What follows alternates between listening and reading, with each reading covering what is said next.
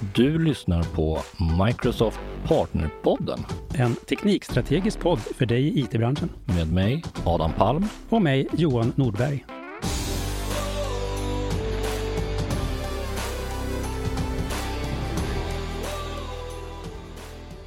Hej, hej, hej och varmt välkomna tillbaka till ytterligare en episod av Partnerpodden. Som vanligt, jag och Johan här. Min katt i bakgrunden. Jag ber om ursäkt om den hörs. Uh, Johan, vi har, en, vi har en lite speciell gäst idag. Kanske inte vår typiska gäst. Och en gäst som jag vet är lite speciell även för dig. För det är någon som du tycker väldigt mycket om och lyssnar väldigt mycket på. Absolut. Det här är min favoritpoddare. Uh, and his name is Jason Pfeiffer. And he has done a excellent podcast and a fantastic book. And welcome to the show, Jason. Oh, thanks for having me. Uh, how would you introduce yourself in a proper way?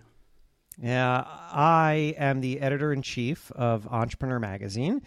And then after that, I can rattle off a whole bunch of projects. So uh, I, I'm the author of a book called Build for Tomorrow.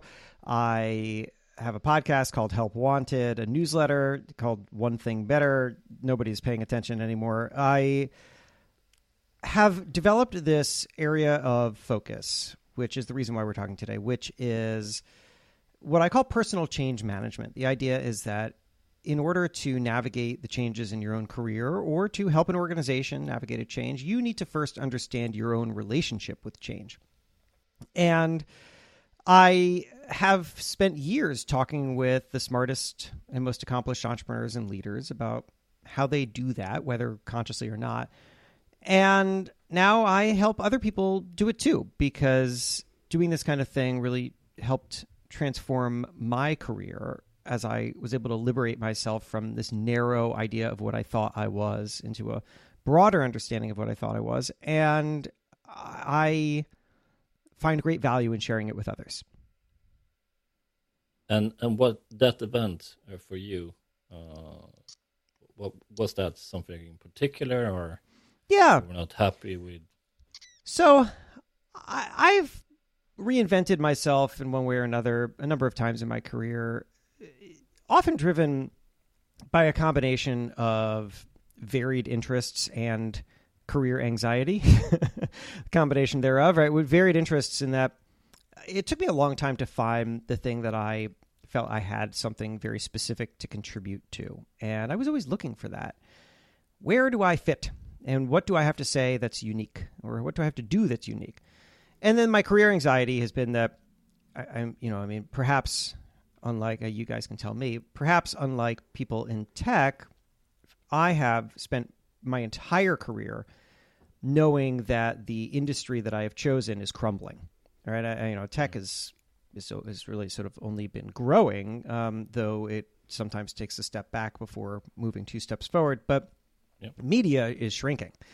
And I started my career in, in daily newspapers and then I got into magazines. And I, I have just sort of always thought of myself as the guy in the action movie who is just trying to jump through the door before the entire building collapses. And so that has meant thinking really carefully and deeply about what it is that I do and how it can expand beyond the immediate opportunities in front of me. And I just think that's a really valuable thing for anybody to be thinking about. Yeah, absolutely. And and regarding your book, do you know the subtitle of your, your book? we can see. Uh, it's funny. I interview I interview a lot of people, and they often mess up their own subtitles. Yeah. and then, so this then- is this is payback time. yeah, and then I started doing it myself. We're gonna see. Um, so it's called Build for Tomorrow. You can get it audiobook, ebook, uh, hardcover, whatever. Uh, uh, an action plan for embracing change, adapting fast, and future proofing your career. I, I'm pretty sure I got that right. Yeah. eight plus. Thank you. Yeah. uh, you know, you know why? You know why authors don't know that? It's it's because they didn't write it. No, I, I Yes. can It's imagine. because the, I can pu- imagine. the publisher came up with it based on like search terms. yeah. Yeah. like search engine optimization. Yeah, exactly. yeah. Um, regarding this, like, like you said, that you have been forced to change a couple of times in your career, Mhm. um, and also wanted to change. Uh, I, I know that you sometimes talk about like what is your identity and how Yeah. to think about your identity, not to get threatened by change. Okay, can you elaborate a little bit on that? Yeah, yeah, yeah, yeah. So I think this is really one of the foundational ideas for me, which is I think that we make a mistake in that we identify too closely with the output of our work or the role that we occupy, which is to say that we, if someone comes up to you at a party and asks what you do, your answer is going to be some version of the output of your work, like the tasks that you do every day, what you create, or the role you occupy, what your job is at a company or whatever. And that's fine. I'm not dissuading you from saying that. But I have found for myself and for many others that it's a dangerous uh, trap that you can fall into where you build your identity around things that are very changeable. Because the role that you occupy or the tasks that you do are very changeable. Uh, they're changeable in that your company is if you're going to work at a large company is probably going to reorg like every two years and anything could change there.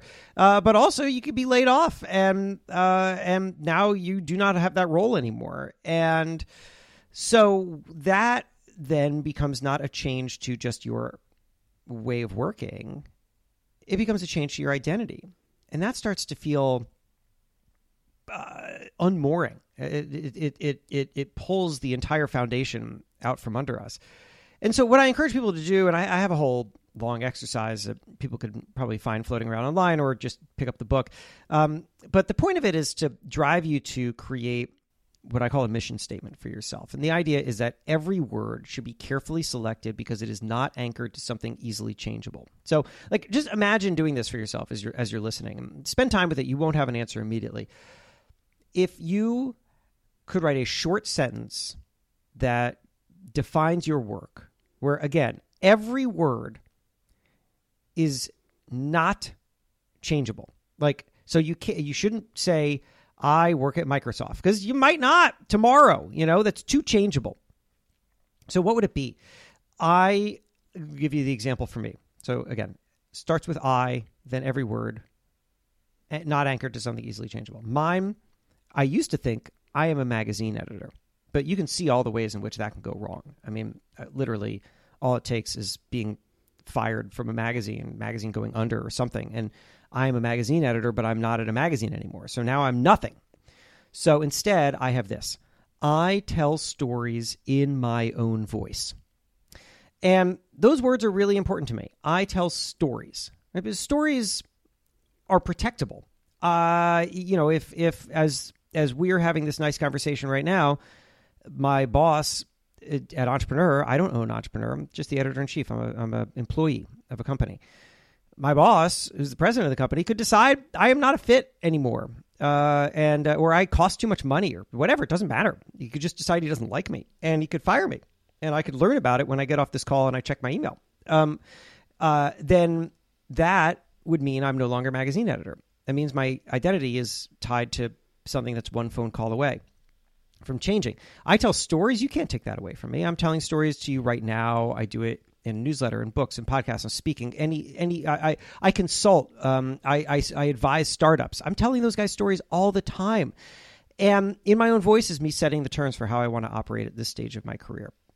I travel around.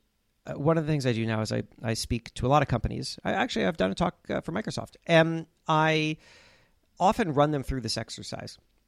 And it's really fascinating because even incredibly senior people come up to me afterwards and they say, you know, this made me think a lot about what it is that I do. And um, and my answer is, and then they they'll they'll tell me whatever, right? They'll tell me I help solve the most complex problems.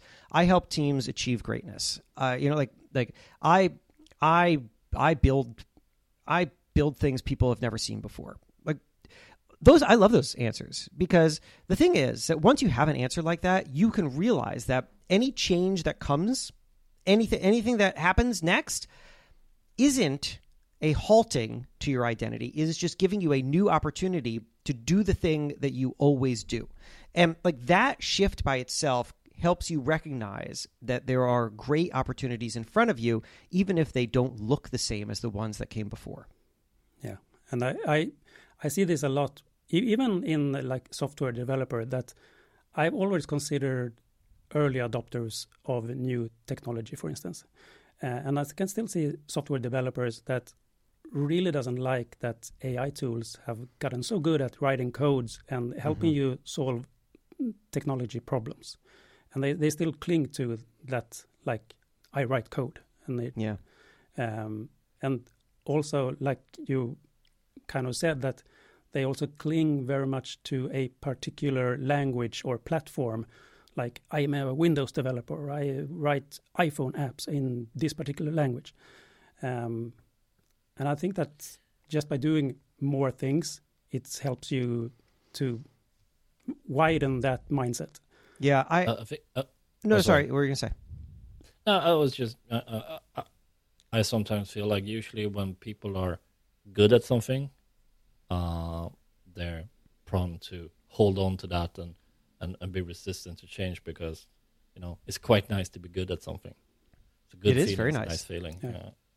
Yeah, it's true. Um, but you know, you don't want to be really good at the thing that nobody wants anymore. You know, I mean, there's, exactly. there's a right, there's a there's a band called the Beths that have this song. It's actually a breakup song, but uh, it's called "An Expert in a Dying Field," and I really, I just love that that phrase. Right, like you don't want to be the expert in a dying field. What's the point of being the best at something that nobody cares about anymore? And and and and I don't want to be cavalier about this, right? Like all the things that you're describing, people who um, uh, hold on to one programming language or who think about themselves in one like the changes that you are going through suck. They suck. You worked really hard to be really good at that thing, and it is not beneficial at all for someone to come along and just be like, well, too bad, right? Like it sucks.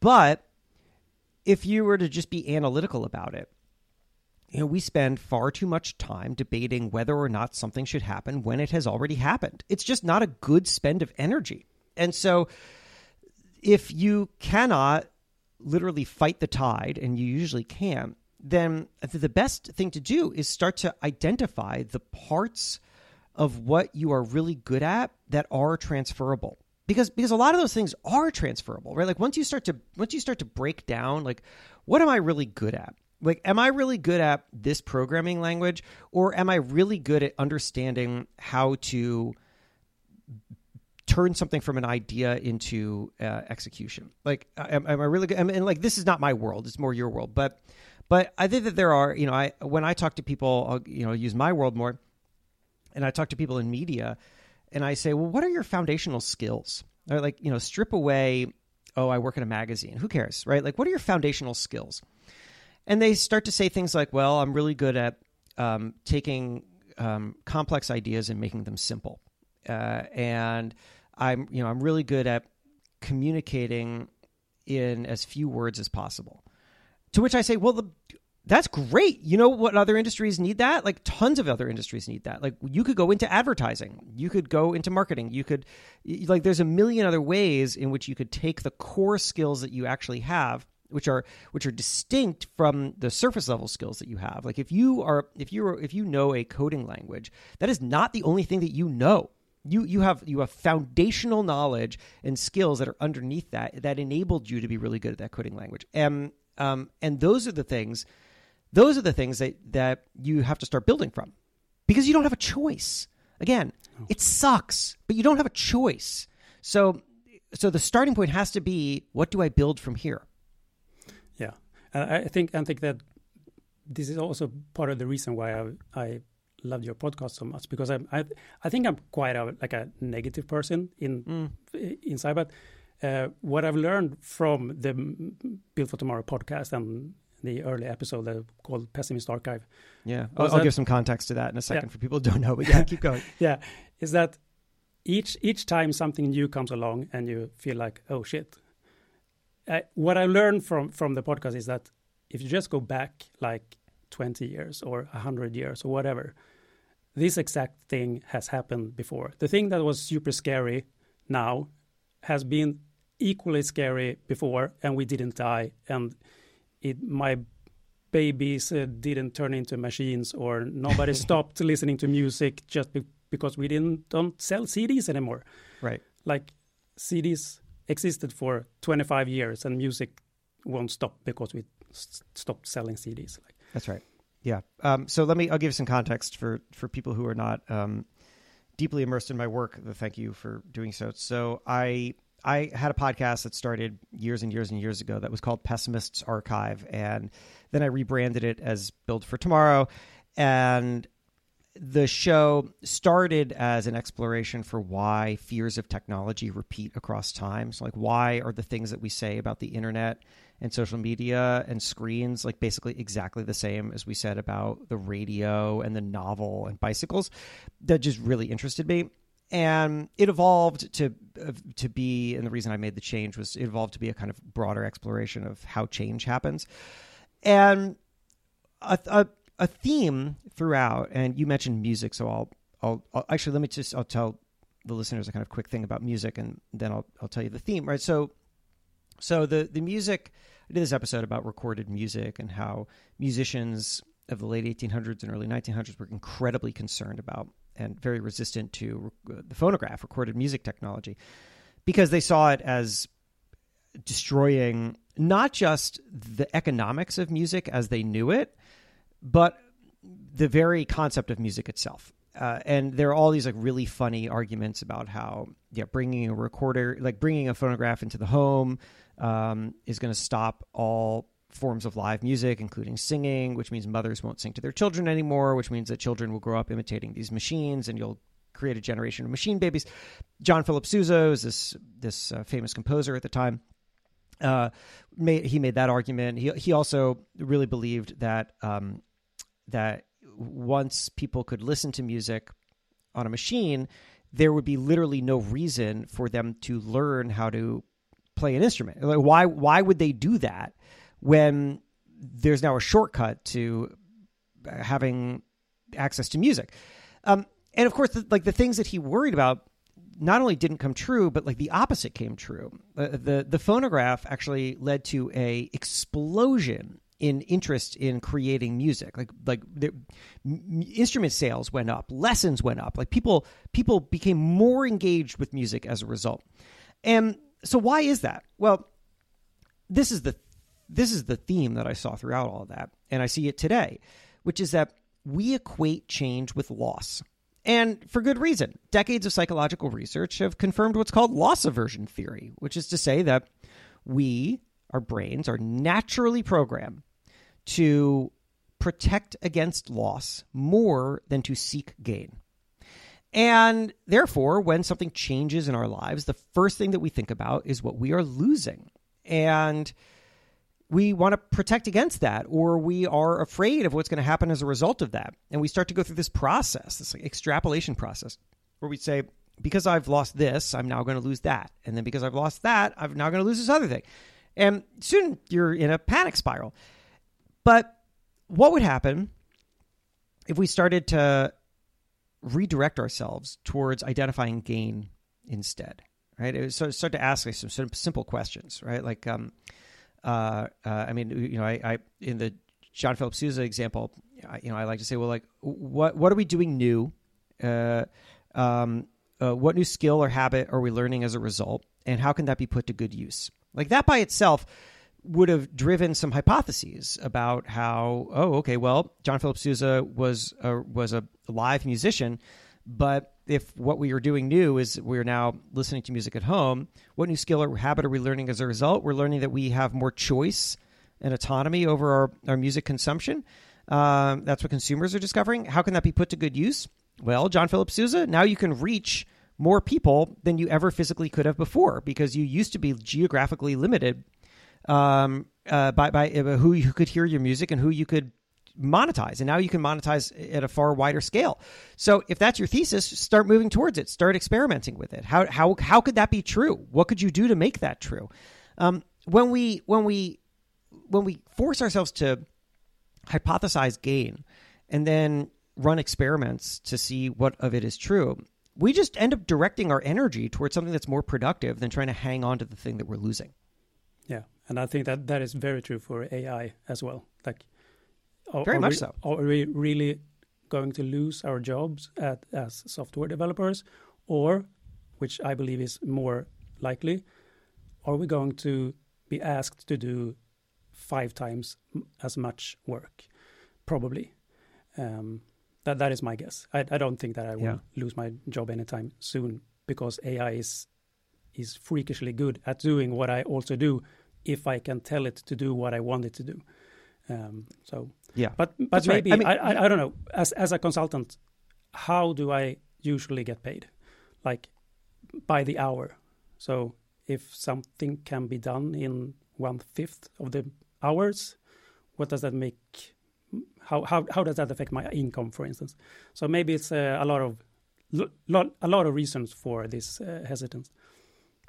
Yeah, but here's another here's another way to think about it. Um, sorry, Adam, I saw you were about to jump in, but let, let me just uh, just add some context to that. Right, so I'm hearing a lot of that, but the the the, the thing is like you're going to have to be open to identifying and moving towards value. And if right now the structure of your business, let's just say consultants, a nice simple business. Like if the structure of your business is I'm a consultant, I help people, and I get paid by the hour. And now there's this new technology that is going to make that work a lot more efficient, which means that people need you for far fewer hours. Well, that's that if that's true, that's true. But that doesn't mean that you lose your ability to define or provide value for your client. Um, you know, a, a, great example is uh, is like PR, like you know, public relations. Their their business for for decades and decades used to just be I'm going to get press for you for you. Like you know, you're a company, you're going to hire me. I'm going to get you written about in publications. But you know what? There are fewer and fewer publications out there running fewer and fewer stories. Uh, and also, there are fewer and fewer people reading those publications. So the coverage that you get in those publications doesn't even matter as much anymore. So does that mean that PR is just dead? That anyone who's in PR is like, well, I guess that's the end of the line? No. Instead, what you look at is, well, okay, what like what else what is the real problem that i'm solving for people? The problem that i was solving was never get press. The problem that i was solving was how to help people tell their story and connect with their audiences and if you redefine your problem, then you're able to redefine your solution. So now a lot of PR agencies are also now like full scale branding agencies, and they're also media training agencies. And they're helping people do the thing that's deeper than the singular ep- effort that they had before, which is not get press, but help people tell stories. And the same can be true for every consultant and everyone doing anything. You, you have to redefine the problem that you're solving.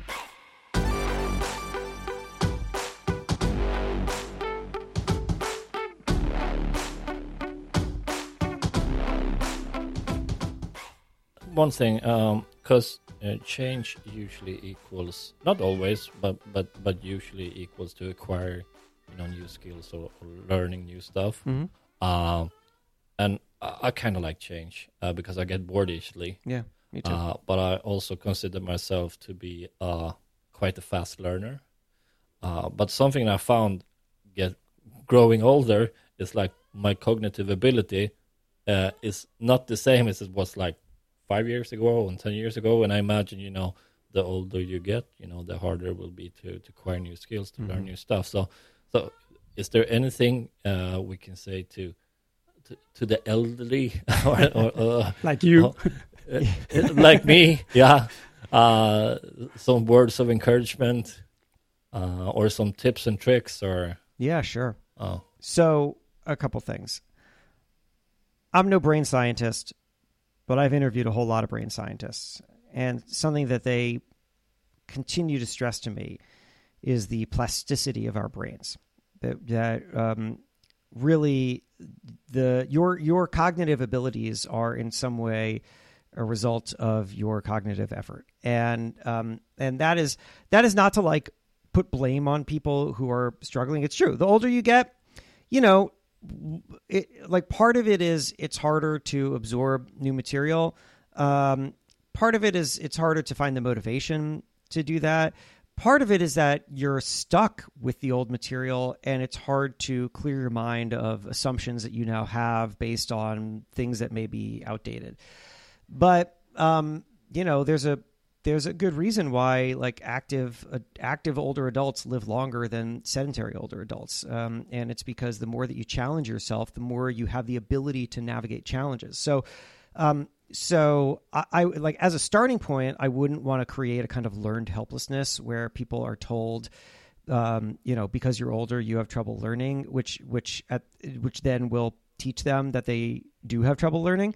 Um, so I don't really love that, but uh, but let's let's take it as fact that it's true. As we get older, we um, you know we feel in some way kind of n- narrowed.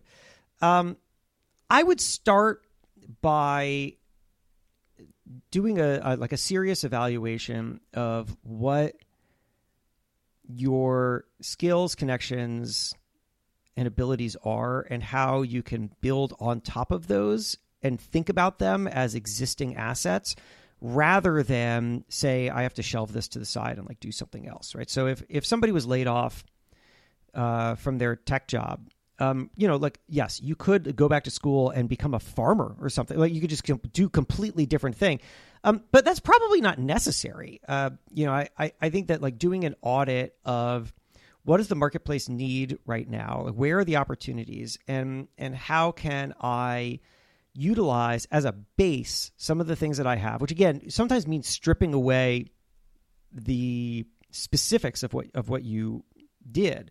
Uh, again, a, a, magazine editor isn't a magazine editor; it's a person who's really good at taking complex ideas and communicating them simply. Like th- that's the kind of transition that you need to go through, where you you do an audit of of what your core skills are. Um, and you uh, and you start to explore uh, opportunities where you can build upon that that as a starting point. Um, it's going to be different for everybody, and I'm not saying that this is easy. This is this is hard stuff, right? Like this is genuinely hard stuff. And and the the question that you're asking, which is really a reach a reskilling question, is is that the foundation of every economic shift that we've ever gone through, uh, right? Like there's there is the the thing about the story that I told about John Philip Sousa and the musicians and all that, right? Like it's it's easy to say now, yeah, but that shift created massive new economic opportunity in the music industry, which was true, right? I mean, more instruments sold, more lessons, uh, but also um, the the rise of industries that simply didn't exist before radio DJs and recording engineers and like uh, you know all these people. Uh, fast forward hundred years, people who are building Spotify? Like this sort of endless creation. But that's that that does overlook that the transition was hard. That a lot of musicians who only knew how to perform live were were put out of work and had to figure it out, and that, that's hard.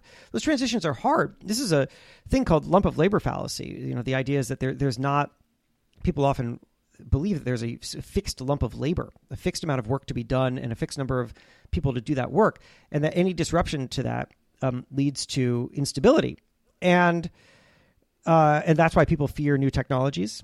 Oh, this machine is going to put me out of work. It's why people fear fear immigrants. Oh, these new people are going to take my jobs. Of course, over time, it's never proven true, right? Like instead, immigrants aren't just workers, they're also consumers. So they don't just work jobs, they create jobs because they're consumers as well. Um, new technology doesn't just replace people, it also creates entire new industries. Right, you you you liberate people from the farm, and they now have disposable income that they go and spend on a brand new leisure economy. Everything changes, but that's not to say that those transitions aren't easy. We have to take them very very seriously. And as an individual, you can start with what you already have. Uh, but systematically, we need to think about, um, you know, how can people be given access to uh, new education and communities and support to go through that transition. It's not easy. I'm not saying it's easy. No, yeah. Uh, time is uh, starting to run out, but I I do have one last question, or maybe sure. Yeah, I also have one thing. If, okay. if we have the time. yeah, we'll do yeah, both. Okay, yeah, you, you, start. You want? Okay. I was like thinking if you have any good tips on how to embrace change instead of fearing it. You have touched upon it a little, but maybe more specifically, is that a question sure. that's easy, even possible to answer? well, I mean, sure, but I, the, I'll, I'll, tell you something, but I'll tell it to you with the caveat that, like, I'm not going to say uh, some words in three minutes and all your fear is going to go away. It's not how it works. But, um, but like as a starting point, here's something to consider. I the like just before COVID led to global lockdowns in March of 2020, I uh, went out to dinner for a friend's birthday, and uh, I was sitting next to this woman whose name is Meghan Asha. She's a, a founder of a company called Founder Made. They're a they're a consumer product goods uh, trade show company, so they host these live events. And she, uh, I, I, you know, I said to her, it, looks like live events are shutting down for a while. What are you going to do? How are you feeling? And she said, you know, I'm, I'm actually not as freaked out as I thought I'd be. And the reason for that is because we have all of these. She's talking about Founder Made. She's like, you know, we at Founder Made have come up with all of these other ways over time. We've thought about all these ways to grow the business, to make money, to drive new revenue. But we've never been able to explore any of them because we're so busy running the live events. And now that live events are on hold, we're going to have time to start to explore some of these other ideas and and hopefully grow the business. Uh, and at the time, I thought this is like a person with no fear. This is just this is a person who doesn't feel human emotions. It's very impressive. Um, but over time, I came to realize that that wasn't what I was witnessing because I saw other people do a version of this too. What I was witnessing was a person with fear, but she was using it in a different way because there are really two ways to think about fear. There is the fear of losing what you had, which is a backwards looking fear. And then there is the fear of not finding the next thing fast enough and that's what she was doing. It's a it's a forward propelling fear. And when you are fearing change, I would I would ask you to stop yourself and kind of evaluate which of these two fears do you have right now. Do you uh, do you have a fear of losing what you already had? Um, because that you know that's not a very useful fear. Like the problem with that is that it it just drives you to try to hold on to the thing that you already had. But if you're losing it, there's some reason for that. Um, your industry is moving on, so something is changing. Um, you it's just not a thing that you can stop by yourself.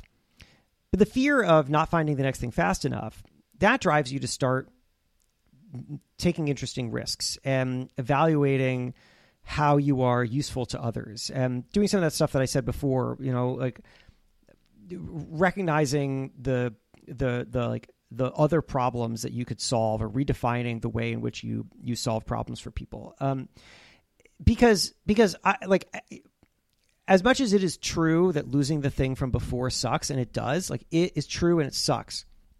I will tell you what else is true. It's indisputable. Something is going to happen next. Like the world's not going to end. Something's going to happen next. It's true. So what is it? Uh, you have an opportunity to shape it right now. So let's get going. That it's not easy again, but as a starting point, don't try to push back fear. You can't. It's not possible, but you can use it and it's it's a more sense of agency and autonomy as well to actually be more in control of the thing you fear. That's right. Yeah. I mean the overall ability to see uh, opportunity. Yeah. Adam, Quite a good quality, I guess. Uh, yeah. So I, I, just want to touch upon uh, real quick something you said in the beginning, um, and this is sort of a question to both of you, I guess, because you and you know Swedes and uh, uh, and is the uh, what defines us or how we define ourselves. Uh, so I think some people are prone to be defined of what they do or, or by what they do, and some people are more prone to be defined of who they are. Uh, and I think, do you see like a like a culture difference? Because I feel like perhaps people from the U.S. Uh, are more prone to be defined by what they do uh, more than Swedes at yeah. least. And uh, I, I, don't know, Johan, is that uh, like do you do you, do you see what I mean? But yeah, we do. Or? Yeah, but still, I think like the analogy with a, if you go, go to a party and someone comes up to you, what do you say? I think even as Swedes, we don't particularly say uh, I'm a I'm a I'm a dad or a soccer player, or even as we do tend to explain what we actually do all day, like not what we solve, but what we actually do. Although it's funny because I, I actually I thought this when I was using that example 20 minutes ago. Um, I use that example, you know, a lot, and in the U.S. it resonates. Um, but I was thinking, I, I, I was thinking, uh, like, is actually the foundation of that setup possibly different um, in other cultures? Because maybe at a party, nobody comes up to you and says, "What do you do?" They do in America, but maybe they don't. Maybe they don't. It's not the leading question. Is like, how, you know, what's your what's your work? I I, I don't. I don't know. Well, I should it, tell me the answer to that, but then then I'll give you my kind of fuller answer to what you were asking. Yeah, well, well, I think if I'm meeting someone for the first time and we have an uh, an uh, outside of work, Yeah. you know, at a, uh, at a at a dinner or at a party or something, I think the moment that I ask, so what do you do? Like, what do you do for a living? It's it's the point when I'm running out of things to say. Uh, yeah, that's a that's a good good good point. Yeah. Yeah, so Yeah, that's that's that- for me at least. Yeah, no, that's that, that's very funny. I mean, I think for Americans, they they sometimes lead more with it. I mean, it also depends on where you live. You know, I live in New York, which is a very career oriented place. Um, but look, I, I to to your question though about about these kind of identities and how to think about them. Um, just two weeks ago, I was in Chicago giving a talk to a, a group of entrepreneurs, and and I did that thing that I told you about with this whole exercise, like get people to kind of create this mission statement for themselves, this one sentence.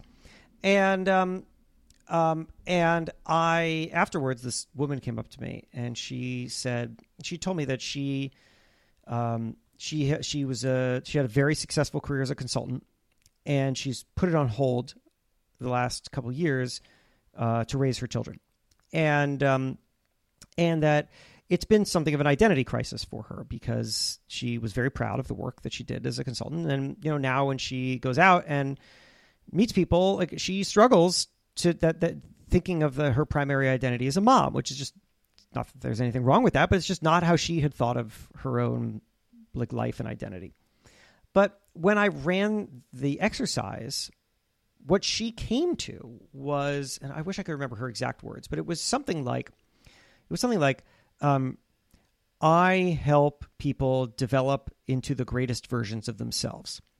And she realized that describes consulting and it describes parenting. Um, and and like having that understanding of the through line, the the things that the thing that can encompass all parts of our lives and show that we we have a we have a kind of consistent meaning and purpose towards them that gave her a lot of peace. And so I would suggest that anyone listening to this who finds these things in any kind of discord, um, that you, you might you might push yourself to find the the thing that connects.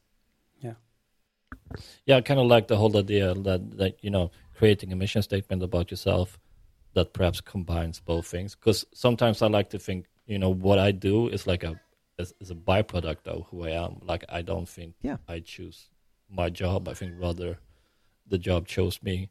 Uh, Yeah. Because of who I am, uh, and to find like a a mission statement to cover both sides of, of of who you are and what you do. I think that would be a for me a, a valuable lesson. I don't have the one yet, but Yeah. I I, I I love it, and I think that is maybe like a excellent ending of this podcast.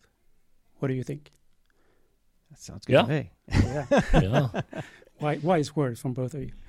Uh, thank you so much, Jason, for for taking the time to to talk to us.